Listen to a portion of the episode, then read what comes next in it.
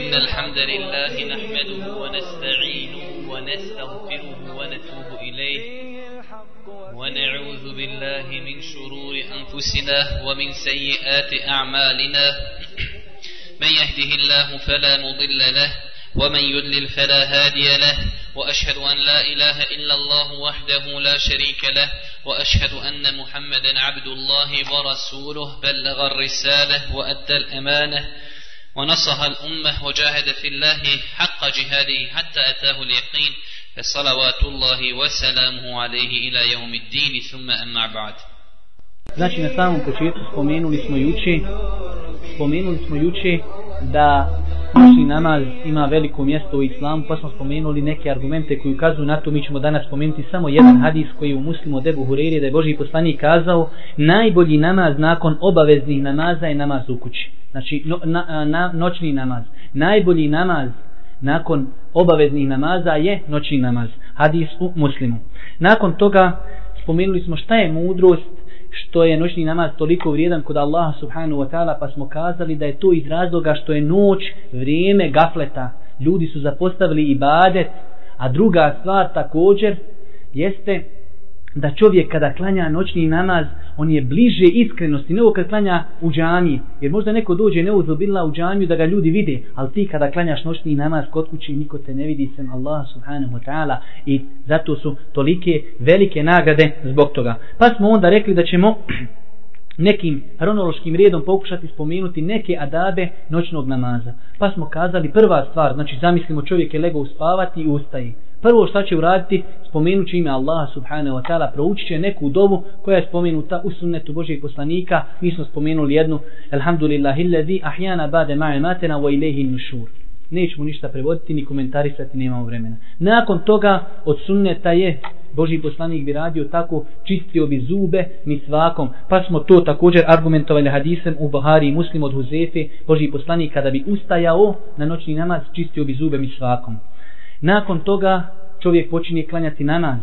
Pa kažemo, od sunneta je i lijepo da čovjek započne noćni namaz sa dva rekiata. Pa smo to malo poredili sa autima, znači da se čovjek malo zagrije. Dva kraća rekiata, pa onda nakon toga duži. Pa smo to spomenuli da je to preporučio Boži poslanik u vjerodostojnom hadisu muslima, a da je to i bila njegova praksa kako je to opisala Aisha radijallahu ta'ala. Također od adaba noćnog namaza jeste ako čovjek osjeti pospanost, drijenež, da legne spavati.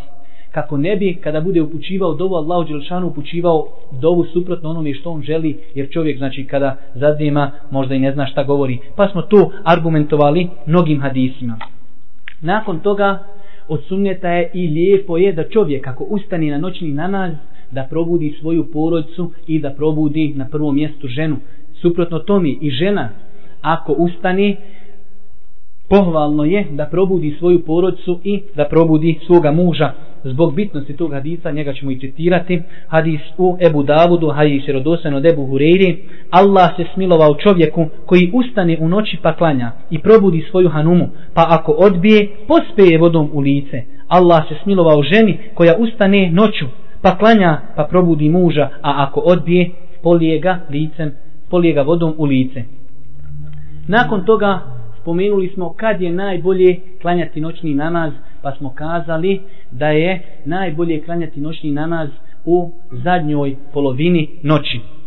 Pa smo to argumentovali hadisme, onaj hadis kada se Allah Đelešanu u zadnjoj trećini, a u nekim vjerodostojnim rivajetima u zadnjoj polovini spušta na ovo zemaljsko nebo, pa govori ima li neko da mi upućuje dovu, pa da mu se odazovem, ili traži li neko, znači, neku potrebu, pa da mu se odazovem.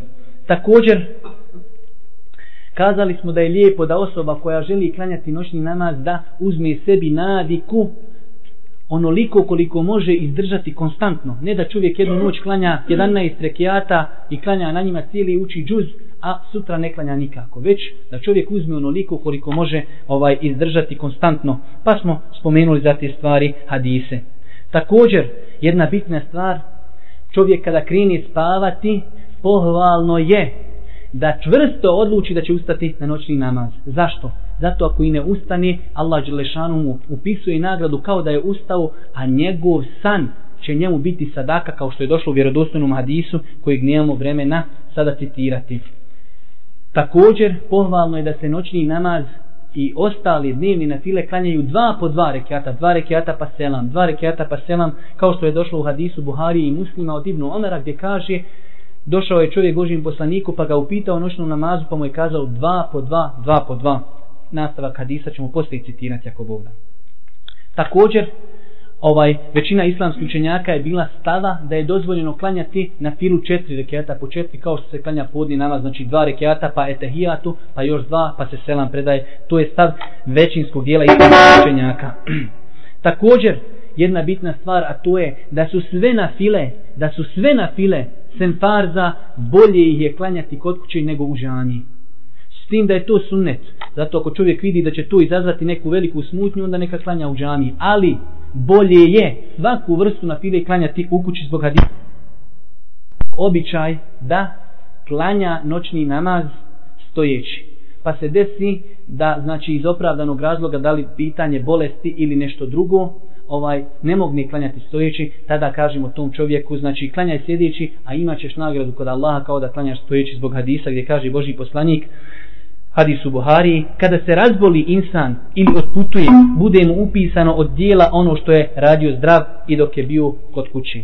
Nakon toga smo spomenuli još dvije stvari, a to je ovaj dozvoljeno je kada govorimo klanjanje sjedeći, dozvoljeno je klanjati na bilo koji način da čovjek sjedi, bilo koji, ali smo kazali da se islamski učenjaci razilazi koji način je naj bliži sunnetu i najljepši. Pa smo kazali da ima vjerodosan hadis gdje Aisha kaže vidjela sam Božijeg poslanika da klanja mutarabbi'an, a to je sjedinje kako se kod nas kaže turski, da čovjek podavije noge i prekrsti noge. To je znači tako je sjedio Božji poslanik kada bi klanjao noćni namaz. I zadnja stvar koju smo spomenuli za noćni namaz jeste da je dozvoljeno to da čovjek započne noćni namaz sjedeći, pa kada se približi vrijeme rukua, ustane pa još malo uči i onda ode na ruku. Znači sjedi čovjek u početku i ovaj kada se primakne vrijeme završetka kirajeta ode ovaj ustani. I suprotno tome, dozvoljeno je početi namaz stojeći, a završiti sjedići. Dobro. Nakon toga počeli smo govoriti o vitrama. Propise vitara namaza. Što se tiče vitr namaza, spomenuli smo na početku samom šta to ukazuje na bitnost vitr namaza. Zašto mi govorimo o ovoj temi? Pa smo kazali da nema druge stvari koja ukazuje na bitnost vitara osim to, osim to da su vitre namaz koji se svakim danom klanjaju to je dovoljno. Jer čovjek musliman treba da se poduči onim stvarima vjerije koje mu se svaki dan dešavaju. Tako i vitre. Čovjek treba da zna propise vitara jer vitre čovjek musliman svaki dan klanja. Pa smo onda počeli govoriti o propisima vitara. Pa smo kazali islamski učenjaci se po tom pitanju razilaze na dva stava. Pa smo kazali velika većina islamskih učenjaka smatrala je vitre pretvrđenim sunnetom dok Među tom velikom skupinom su i dva učenika Ebu Hanife, Ebu Jusuf i Muhammede Šeibani. Ebu Hanife je jedini smatrao da su vitre vađi.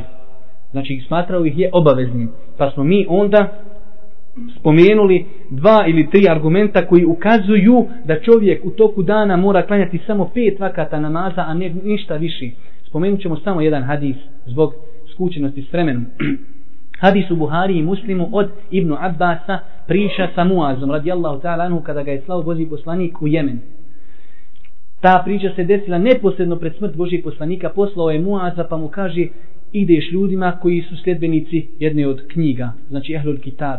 Pa i prvo pozovi kaže da obožavaju Allah Đelšanu. Ako ti se odazovu u tome, onda i kaže obavijesti i poduči da je čo, Allah Đelešanu propisao muslimanima da klanjaju pet vakata namaza u toku dana i noći.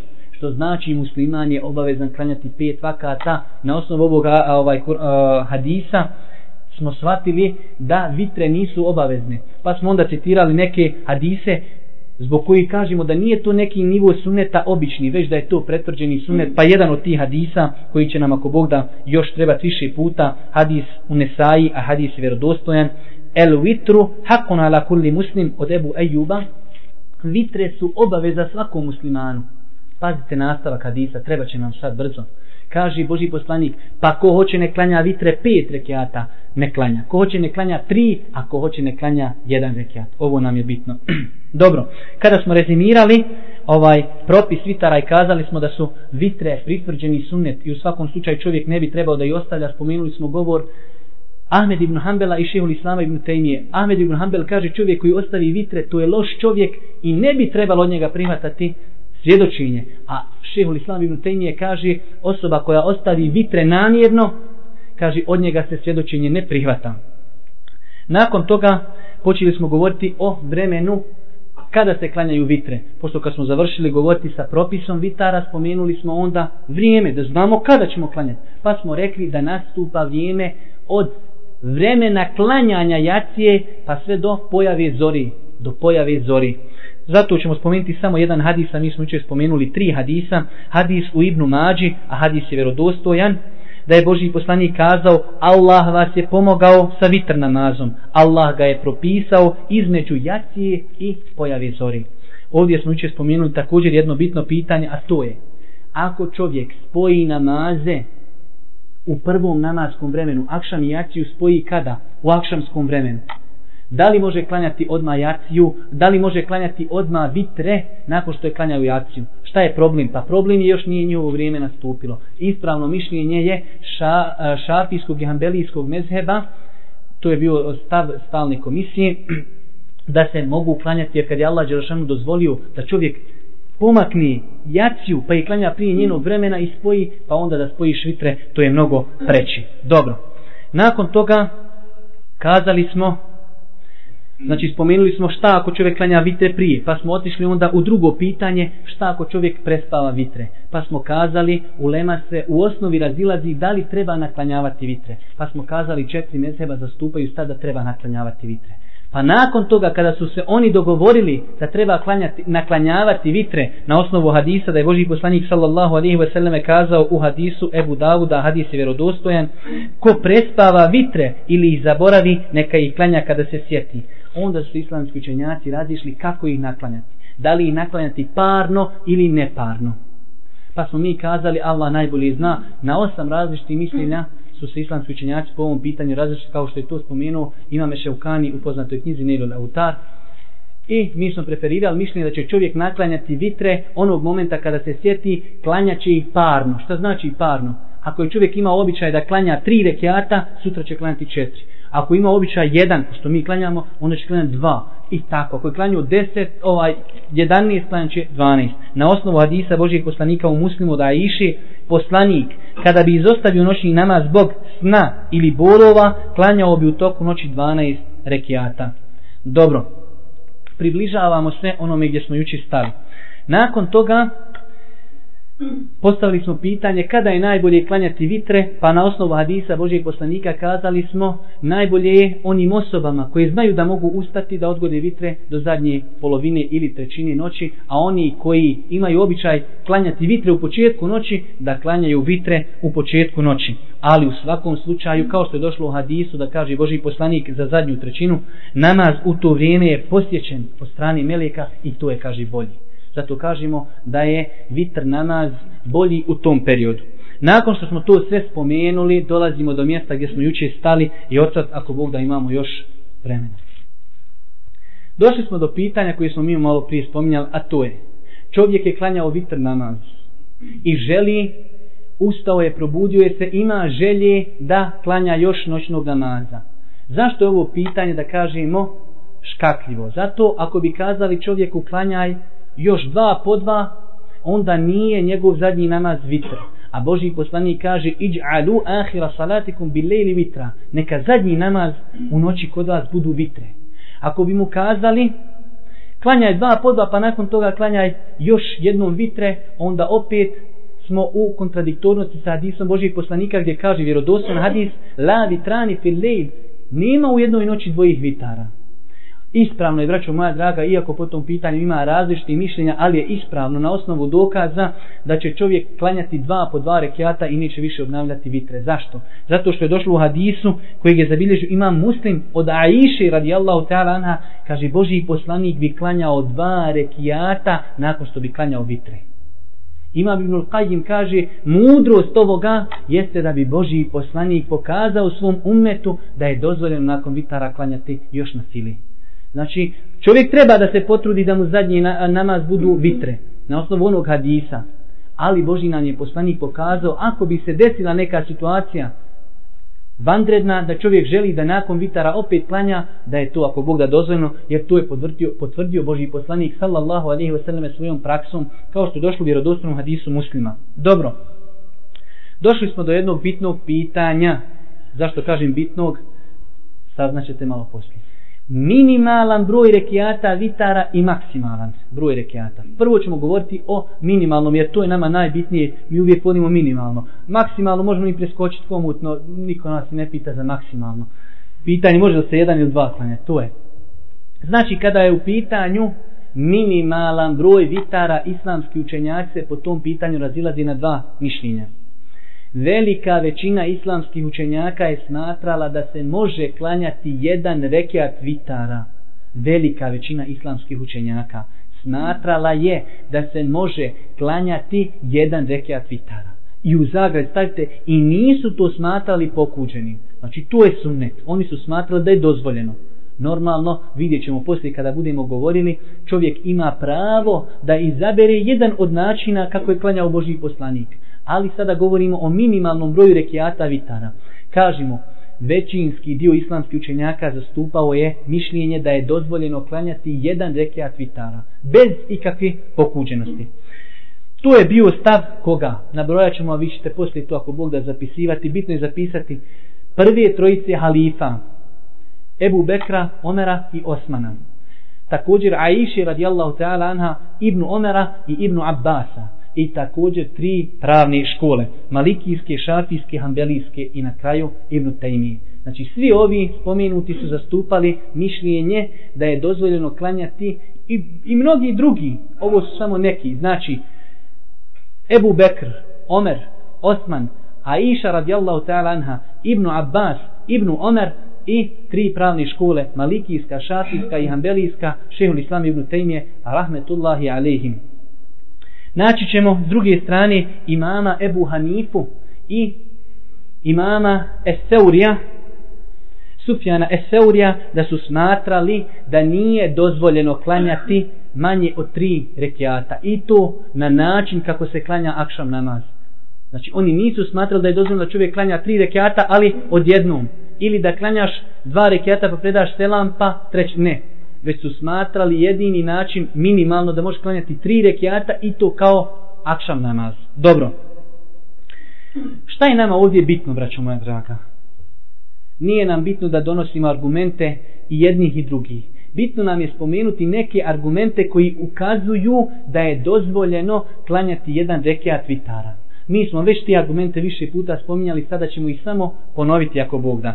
Jedan od tih argumenta je onaj hadis koji smo često spominjali, hadis Buhari i Muslim od Ibnu Omera, radi Allahu talanhu, da je čovjek došao Božijem poslaniku, a Božiji poslanik je bio na mimberi.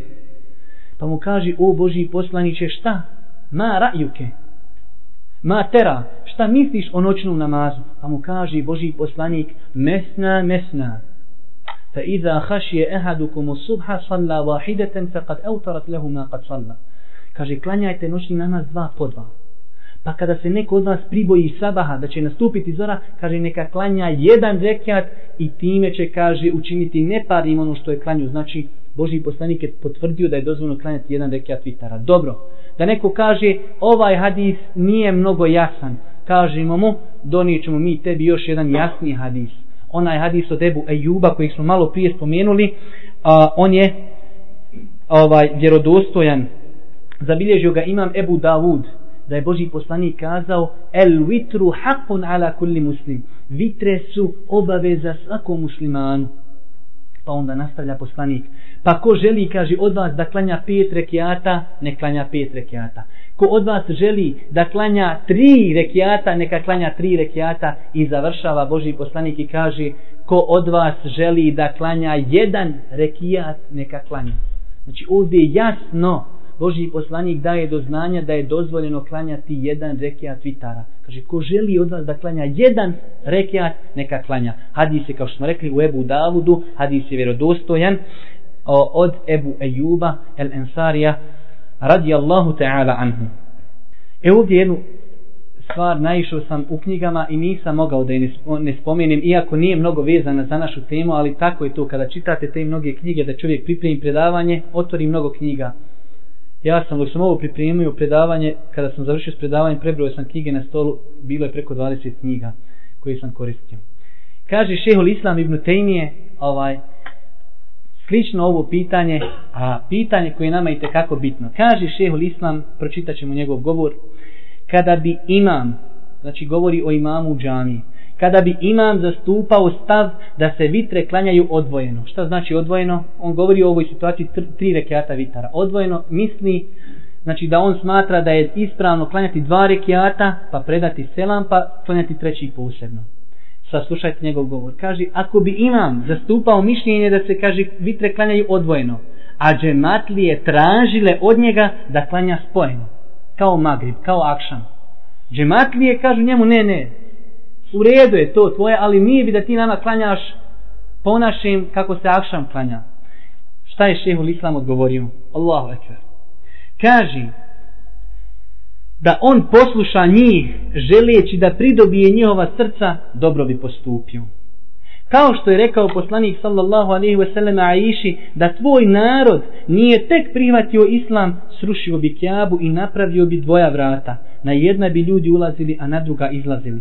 Pa nastavlja šehul islam, pa je Boži poslanik ostavio ono što je smatrao boljim da ne bi rastjerao ljude od sebe.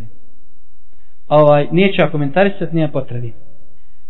Spomenuli smo znači minimalnu granicu vitara i mislim na osnovu onih argumenta da ne treba govoriti ništa više.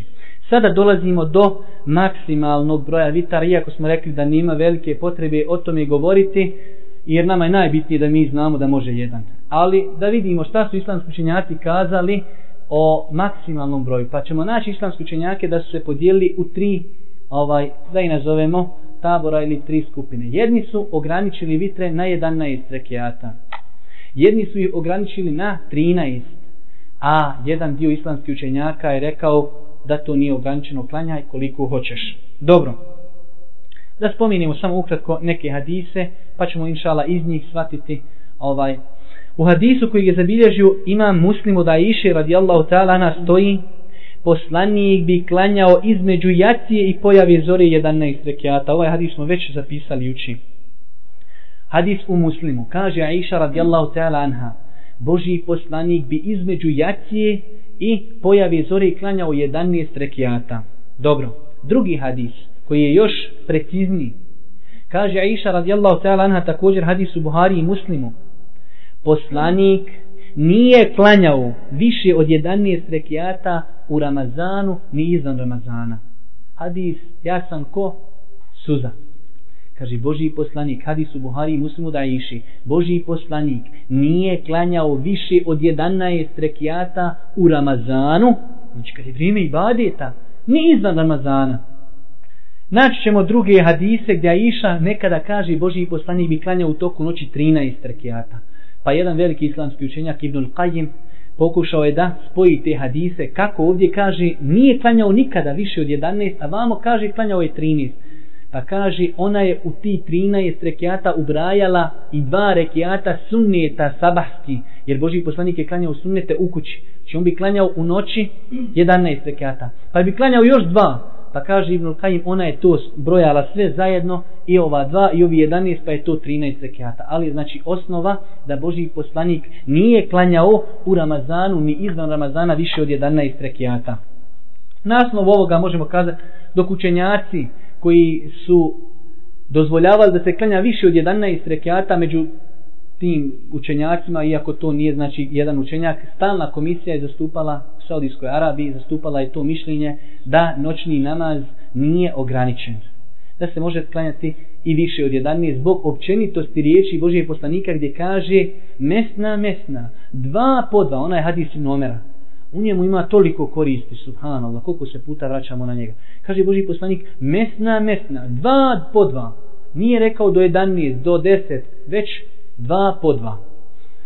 Ima učenjaka koji su ovaj jedan od tih učenjaka je Šejh Albani rahmetullahi alejhi koji je napisao knjigu jednu gdje preferira mišljenje da čovjek ne smije klanjati više od 11 rekata, ali u svakom slučaju najpreći je da se slijedi sunnet Božijeg poslanika sallallahu alaihi ve selleme, ali ali ako bi neko klanjao i više od 11 rekiata, inšala bizna nije, nije pogriješio. Dobro. Dolazimo do toga kako klanjati vitre. Znači idemo nekim inšala hronološkim redom, vidjet ćete. Sada dolazi propisi načina klanjanja vitara. Sad malo zaboravite propise vitara, malo ćemo izići opaska. Inače imate pravilo kod islamskih učenjaka, kada dođu i govore o jednom novom poglavlju, uvijek daju pravila i smjernice. Spomenuti manji dio propisa, a onaj veći stavi pod neku veliko pravilo. Šta to? Primjer, kupoprodaje. U kupoprodaji imaju neke kupoprodaje koje su zabranjene, a osnova je u kupoprodaji dozvola. Sve je dozvoljeno trgovati osim stvari koje je Boži poslanik spomenu. Zato oni kada govori o kupoprodaji, kažu, ovo su ti vrste koji su zabrane, pa nabruju te, te, te, te. I onda kažu, izvan toga sve ti je dozvoljeno. E tako ćemo i mi uraditi. Mi ćemo spomenuti kako nije dozvoljeno klanjati vitre, a izvan toga sve je dozvoljeno, ako Bog da. Ali normalno da ćemo i za to smjernice. U hadisu kojeg je zabilježio imam Hakim, El Bejheqi, a vjerodostojnim ga je ocijenio imam Hakim, a sa njim se složio ko? Imam Ezehebi. Dosta puta ćete čuti tamo u arapskoj toj literaturi, imam Hakim je kazao za hadis da je vjerodosan, a imam Zehebi se sa njim složio ili nekad, kaže imam Zehebi ga, nije se složio sa njim. Ovaj hadis, znači, njegovu vjerodostojnost je potvrdio imam Hakim, a sa njim se složio imam Ezehebi. To su velika dva hadiska eksperta. Također ših Albani ovaj, spominje ga vjerodostojnim hadisima. Kaže Boži poslanik sallallahu alaihi wa sallam je kazao nemojte klanjati vitre tri rekiata oponašajući akšan. Nemojte klanjati vitre tri rekiata oponašajući akšan nemojte klanjati vitre tri rekiata oponašajući akšan. Ovaj hadis nije općeg karaktera da ne smiješ klanjati nikako tri vitre, već Boži poslanik nam je zabranio da se klanjaju vitre oponašajući akšan. Dobro, mislim da je to, ako Bog da, jasno. E, sada nam ostaju načini kako je dozvoljeno klanjati vitre. Sad, dobro slušajte šta ću kazati. Mi ćemo spomenuti neke stvari. Kako je klanjao Boži poslanik vitre. Ali osnova je da je čovjeku mimo ove situacije dozvoljeno sve u smislu da opet se drži granica. Znači da čovjek klanja 2 po 2, 2 po 2 do 11. Ili da klanja 7 od jednom. Da klanja 9 od jednom. Da klanja 4 pa preda selam. Pa 4 opet. Da klanja 5 pa preda selam. Znači to su sve ovaj ako Bog da dozvoljene stvari. Mi ćemo spomenuti neke, ovo su samo neki, jer ima mnogo više načina kako je glanjao Boži poslanik. Pa počet ćemo od početka. Što se tiče jednog rekeata, nema šta. Znači, jedan rekeat se klanja i preda se selam i donijeli smo argumente da je dozvoljeno klanjati takav način, ovaj, toliko e, vitara, jedan rekiat. Tri rekeata, idemo neparno, jedan pa tri. Što se tri, tiče broja tri, možemo klanjati vitre tri rekiata na dva načina. Ili da klanjamo dva rekiata pa predamo selam, pa ustanimo na treći pa opet predamo selam, ili da klanjamo tri odjednom, kako bi izbjegli zabranu Božijeg poslanika, sallallahu alaihi wa sallam, iako znači islamski učenjaci kažu za ovu zabranu da to nije haram, već da je to pokuđeno klanjati na taj način. Dobro, to je dva načina klanjanja vitara ako ćemo klanjati tri rekiata. Što se tiče broja pet. U hadisu koji je zabilježi imam Ahmed stoji da je Boži poslanik klanjao vitre pet rekiata i da je klanjao sve odjednom. Nije nikako nigdje zaustavljao. Klanjao pet rekiata i predao selam. To je način kako je klanjao Boži poslanik, ali to ne znači da mi moramo tako klanjati. Znači čovjek može klanjati dva po dva i onda preda selam nakon petog. Ali znači spominjemo neke predaje u kojima je opisano kako je klanjao Boži poslanik. Što se tiče broja 7, broj 7 možemo klanjati na dva načina, odnosno Boži poslanik je pojasnio dva načina. Ili da klanjamo 7 odjednom i predamo selam na sedmom rekiatu, ili da klanjamo 6 odjednom, da klanjamo 6 odjednom, zatim predamo selam, pazite, predamo selam, nakon toga ustanemo, klanjamo još jedan sedmi rekiat. Dobro, znači kod broja 7 smo imali dvije opcije, kod broja 5 samo jednu opciju. Ne opciju, znači kako je prenešeno od poslanika? Broj 9 također ima jedna samo opcija da čovjek klanja osam zatim uči samo tešehud, ne selam, već samo tešehud, nakon toga ustani na deveti i nakon devetog predaj selam. Znači kod broja devet, preneseno od Božijeg poslanika, sallallahu alaihi sallam hadijskoj kojeg ima muslim, da je Boži poslanik klanjao osam, zatim je učio je tehijatu samo. Ustajao bi na deveti, klanjao bi deveti rekiat. Jedanaest, ima više načina kako je klanjao. 11 mi smo spomenuli onaj hadis od Aiši Boži poslanik bi kaže klanjao dva po dva, dva po dva i nakon toga bi klanjao jedan. To znači kada je u pitanju 11 rekiata. Opet znači rezimiramo i kažemo ovo su načini kako je klanjao Boži poslanik. Zasigurno čovjek ako bi ovi načini praktikovao to je sunnet. Ali čovjeku su odrešene ruke da izabere i druge načine. Dobro. Također, što se tiče vitara, one osobe koji žele klanjati tri rekiata, možda se zapitaju, a šta je najljepše učiti na vitrama? Pa kažemo takvim osobama u vjerodostojnim hadisima koje je zabilježio imam etirmizi, od Aiše i Ibn Abbasa stoji da je Boži poslanik na vitrama kada bi klanjao tri rekiata, na prvom rekiatu učio bi suru El-E'ala, sedbi hisna rabbike El E'la. Na drugom bi učio kulija i na trećem bi učio kul huvallah. A u nekim predajama na trećem rekiatu bi učio kul huvallah, kul e'udhu bi rabbil felak i kul e'udhu bi rabbil nas. Znači to ovaj je sunnet da se praktikuje. S tim ovaj što ima u a jedan od tih učenjaka je prijašnji muftija Saudijske Arabije koji je bio prija bin Baza, zvao se Mohamed ibn Ibrahim, jedan veliki učenjak, govorio je u svojim fetvama, kaže, nije dobro da čovjek uvijek ove sure uči kada klanja tri rekiata, kaže, kako ljudi, na primjer, ako je u pitanju Ramazan, pa se vitre klanjaju žematile, kaže, kako ljudi ne bi shvatili da je to obaveza. Jer kaže, ljudi, kada vidi da ti 30 noći nešto non stop isto, oni onda kaže, to je vađib, to je obaveza. Tako ljudi shvataju. Zato on kaže, pohvalno je da čovjek ponekad i klanja sa nekim drugim surama što se i praktikuje u Mekki i u Medini, vidjet ćete u dosta slučajeva da se klanjaju vitre sa ove tri sure, ali desi se da ovaj i klanjaju i sa drugim surama. Također, nakon što smo spomenuli šta se uči na vitrama, ako čovjek klanja tri rekeata, dolazimo, znači idemo, rekli smo hronološkim redom, pa smo došli čovjek uči šta treba učiti, nakon toga dolazi nam pitanje učenja dove na vitr namazu. Po ovom pitanju islamski učenjaci također imaju mnogo mišljenja. Mnogo. Pa ćete naći neki koji dozvoljavaju da se uči dova samo za Ramazan. Neki u zadnjoj polovini Ramazana, neki u prvoj polovini.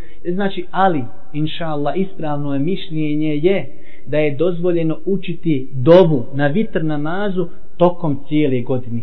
Dozvoljeno, ne kažemo obaveza, već dozvoljeno. To je bio stav Hanefijske pravne škole Ahmed ibn Hanbala i neki učenjaka šafijske pravne škole. Znači, imamo više mišljenja, ali jedno najispravnije mišljenje, inšala, da je dozvoljeno na vitrama tokom cijele godine učiti dobu. To je bio stav Hanefijske pravne škole, Hanbelijske pravne škole i nekih učenjaka šafijske pravne škole. Spomenut ćemo dva argumenta, odnosno dva općenita argumenta iz kojih ćemo vidjeti da se dova na vitrama može učiti tokom cijele godine. Jedan od tih hadisa je Hadis koji je zabilježio imam Ebu Davud, a hadis je sahih od Alije radijallahu ta'ala anhu, znači ne možete zapisati ako hoćete, poslanik bi govorio, kaže, na kraju vitara, pa je spomenuo dobu. Ali vidimo da ovdje on ne kaže, govorio je u jednom dijelu godine, već kaže, Boži poslanik bi govorio na kraju vitara, pa je spomenuo dobu vitara. Vidimo ovdje on, znači, općenito govori da, znači, dova se može učiti tokom cijele godine. Jer ovdje imate nešto u arapskom kane, znači nešto što upućuje da se to radilo znači više puta i konstantno. Drugi hadis koji je također vjerodostojan od Hasana radijallahu ta'ala ona dova koju slušamo kada se klanja teravija u, u Mekinu Medini Allahumma hdina fimen hedejt wa afina fimen afejt kaže Hasan radijallahu ta'ala anhu sin Alim kaže Boži poslanik sallallahu alihi wasallam je podučio riječima koje ću govoriti na vitrama pa je onda proučio ovu kompletnu dovu Allahumma hdina fimen hedejt wa afina fimen afejt do kraja dovi Hasan, znači Alin sin kaže u vjerodostojnom hadisu Allemeni Rasulullah sallallahu alaihi wa sallam kelimatin ekuluha fi vitr Boži poslanik me podučio riječima koje ću ja učiti na vitrama. On ovdje ovo je općenit hadis. Znači, tokom cijele godine. Nije kazao samo u Ramazanu ili izvan Ramazana. Na osnovu ovih argumenta mi kažemo propisano je učiti dovu na vitrama tokom cijele godine. Dobro. Ovdje treba spomenuti onu opasku, također jedno, a to je, braćo, učenje dovi na vitrama je sunnet. Šta znači sunnet? To znači da je čovjeku dozvoljeno bez ikakve smetnje da ponekada ostavi ovaj učenje dovi. Znači čovjek klanja vitre bez dovi i završi namaz. Sam šehol Islam ibn Tejmije kaže kako god je čovjeku dozvoljeno da nekada klanja na jedan način, a ponekad klanja na drugi način vitre, tako mu je, kaže, dozvoljeno da i nekada klanja sa dobom, a nekada klanja bez dovi. Također, ovaj muftija koji smo spomenuli da je bio prije bin baza Muhammed ibn Ibrahim, također je govorio da je pohvalno da čovjek ponekada ostavi dovu kako ljudi ne bi shvatili da je dova obavezna. Dobro, idemo dalje kada su u pitanju propisi. Nakon što smo kazali da je propisano tako uklanjati toliko rekiata, to se uči na tri rekiata, pa smo kazali da se dova uči tokom cijele godine, e, dolazi ono poznato pitanje, a kada se dova uči? Dobro, a kada se dova uči? Po ovom pitanju opet islamski učenjaci imaju tri različita stava. Lako je, sad ovo što zapišete, bit će i u sljedećem pitanju isto. Ovaj, odnosno nije isto, ali blizu. Prvi su Hanefijska i Malikijska pravna škola, oni kažu dova se uči prije nego što odeš na ruku. Znači učiš kirajet, nakon kirajeta dova i ovaj kako se zove, tada odlaziš na ruku. Dobro. To ko su bili? Hanefije i Malikije. Dobro. Imamo drugu ovaj grupu učenjaka koji su govorili da se dova uči kad? Nakon što se čovjek vrati sa rukua. Znači čovjek uči kijam, završi kirajet, ode na ruku, kada se vrati sa rukua i kaže Semi Allahu limen hamde rabbena velike alhamd, onda počne učiti dobu. Tog mišljenja su bili ko? Hambelijska i šafijska, nema više ko. I imamo treće mišljenje da su govorili učenjaci neki, dozvoljeno je i jedno i drugo, šta god čovjek da uradi, inšala ispravno je postupio. Dobro. Jedan jedini argument vjerodostojan koji sam ja mogao naći kada je u pitanju vitr namaz i učenje dove jeste hadis u Ibnu Mađi, a hadis je vjerodostojan od Ubej Ibnu Kaaba, radijallahu ta'ala anhu, kratak je hadis, da je poslanik klanjao vitre i učio bi dovu prije rukua. Znači ovaj hadis ide u prilog Hanefijskoj i Malikijskoj pravnoj školi. Hadis koji je zabilježio Imam Ibnu Mađe, a hadis je vjerodostan od Ubej Ibnu Kaaba, da je Boži poslanik sallallahu alaihi wasallam klanjao vitr i učio bi dovu prije rukua prije nego što bi odšao na ruku, učio bi dovu, nakon toga bi odlazio na ruku. To je jedini argument koji sam ja uspio naći, ali to ne znači da nema drugih argumenta. U vitr namazu, sad ćemo mi spomenuti. Od Ibnu Mađega je zabilizio vjerodosan u Ubej Ibnu Kaaba. Ova druga skupina učenjaka kažu, mi imamo argumente da je Boži poslanik učio dovu nakon rukua, ali kada?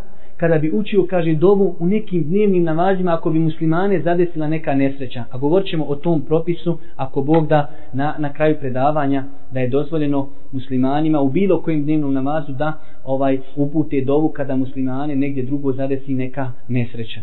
Pa oni kažu, mi imamo vjerodostojne predaje da je Boži poslanik učio dovu i nakon rukua. Pa tako u hadisu koji je zabilježio isto Ibn Mađe od Enesa radijallahu ta'ala anhu kada je upitan o dovi na sabah namazu. Znači hadis u Ibn Mađi od Enesa radijallahu ta'ala anhu da je Boži poslanik sallallahu da je Enes upitan kaže kada ste vi učili dovu na sabahu pa kaže Enes radijallahu ta'ala anhu mi smo kaže dovili i prije i poslije rukua. On je ovdje znači pokazao i pojasnio da je dozvoljeno, ali pitanje, nisu ga pitali za vitre, već kaže na sabah namazu pošto je Boži poslanik u nekim situacijama čak se prenosi da je mjesec dana konstantno kada su pobijeni oni hafizi, to je vama inšala svima poznato, Boži poslanik je mjesec dana upućivao dovu Allahu protiv tih plemena. Mjesec dana.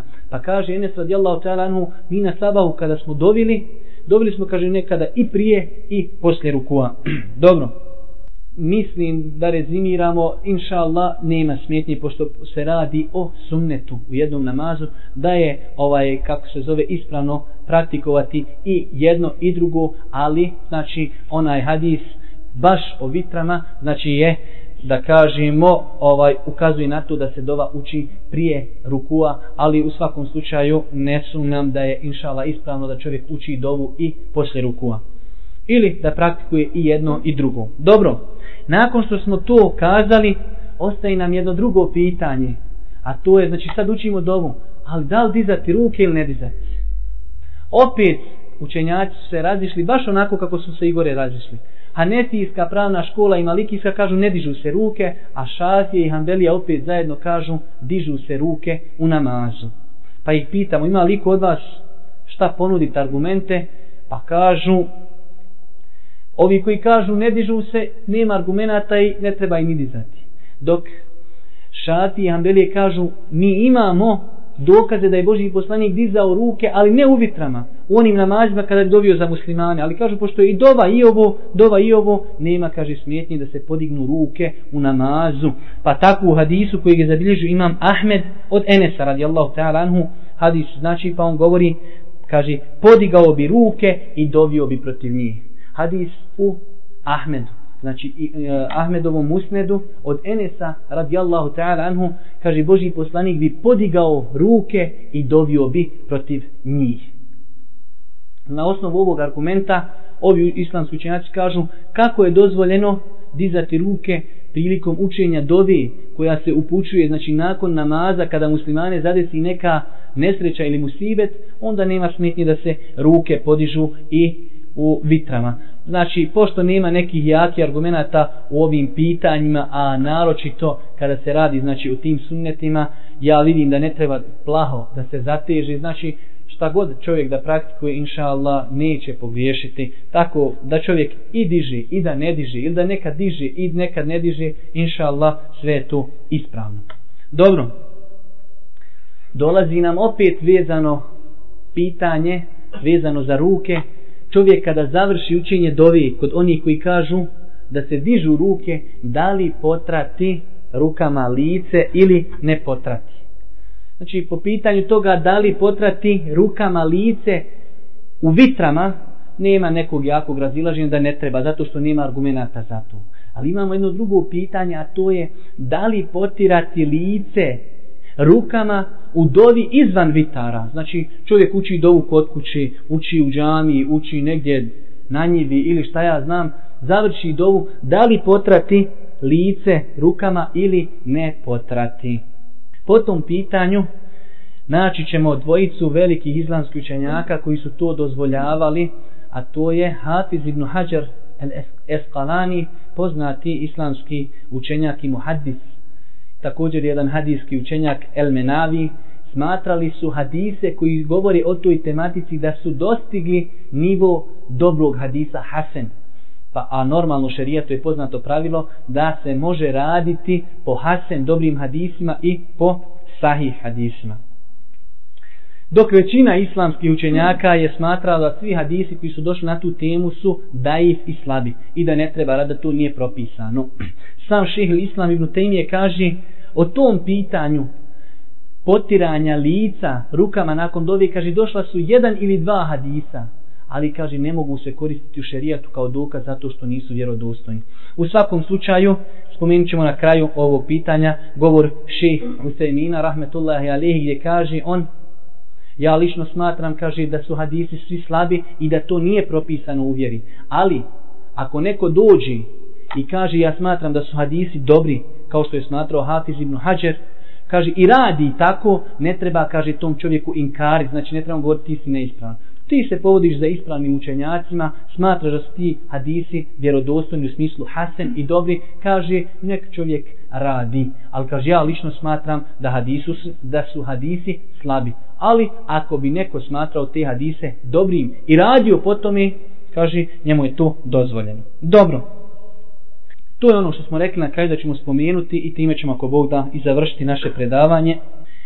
Znači, islamski učenjaci kada govori o vitr namazu, većini slučajeva na kraju poglavlja vitr namaza spomenu i ovo pitanje, a to je da je dozvoljeno muslimanima, odnosno vođi muslimana, dozvoljeno je vođi muslimana, pa može se staviti crtica, po nekoj ulemi i svim imanima koji predvode u džematu, znači nekom.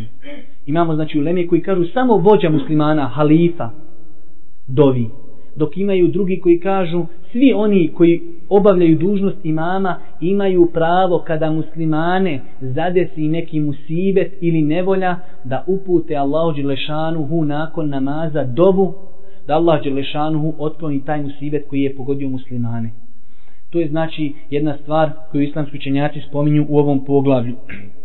Normalno, znači možemo spomenuti Ovo je pitanje, ja sam to gledao da malo rezimiram, sada ne spominjemo razilaži, jedni kažu dozvoljeno imamu, jedni kažu i tako u tri, četiri rečenice mi ćemo tu sve spomenuti. Znači, islamski učenjaci spominju da je dozvoljeno vođi muslimana, a po nekoj ulemi i svim ostalim imamima u mesđidima, da ako zadesi muslimane neki musibet, da se obrati Allahu Đelešanu u bilo kojem dnevnom namazu, znači dnevnom pet dnevnih namaza, nakon namaza, da ovaj upute dovu Allahu Đelešanu da otkloni od muslimana taj musibet. Dobro, kada govorimo ovdje o dovi, dova treba da bude prikladna sa stanjem. Šta ovo znači? Znači čovjek ako upućuje dovu Allahu Đelešanu, muslimane je zadesila negdje bolest, kuga, šta ja znam, poplava ili zemljotris. Ne sad on podigne ruke gospodaru, podari nam čestitu djecu gospodaru, šta ja znam, znači treba da dovi ono što je potrebno u tom momentu muslimanima. Znači treba da se otprilike skoncentriše i da dova njegova ovaj obuhvata tu stvar koja je zadesila muslimani.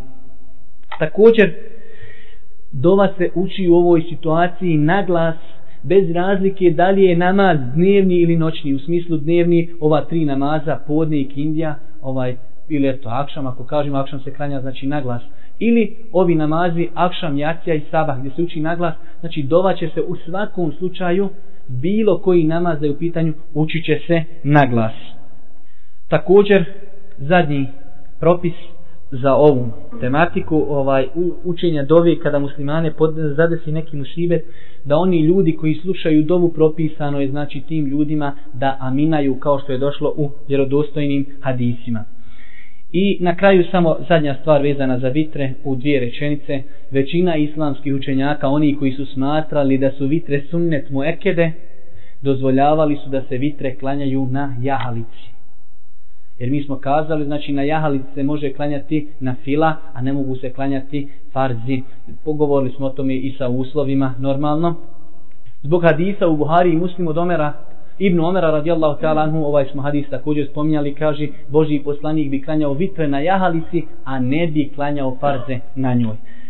To je nešto što smo za večeras pripremili. Molimo Allaha Đelešanu da nas poduči propisima njegove vjere. Molimo ga Subhanu wa ta'ala da nas učusti ovim teškim vremenima, vremenima i na kraju Subhaneke Allahumma ve bihamdike šedun la ilaha illa ente stavfiruke wa etubu ilaihi.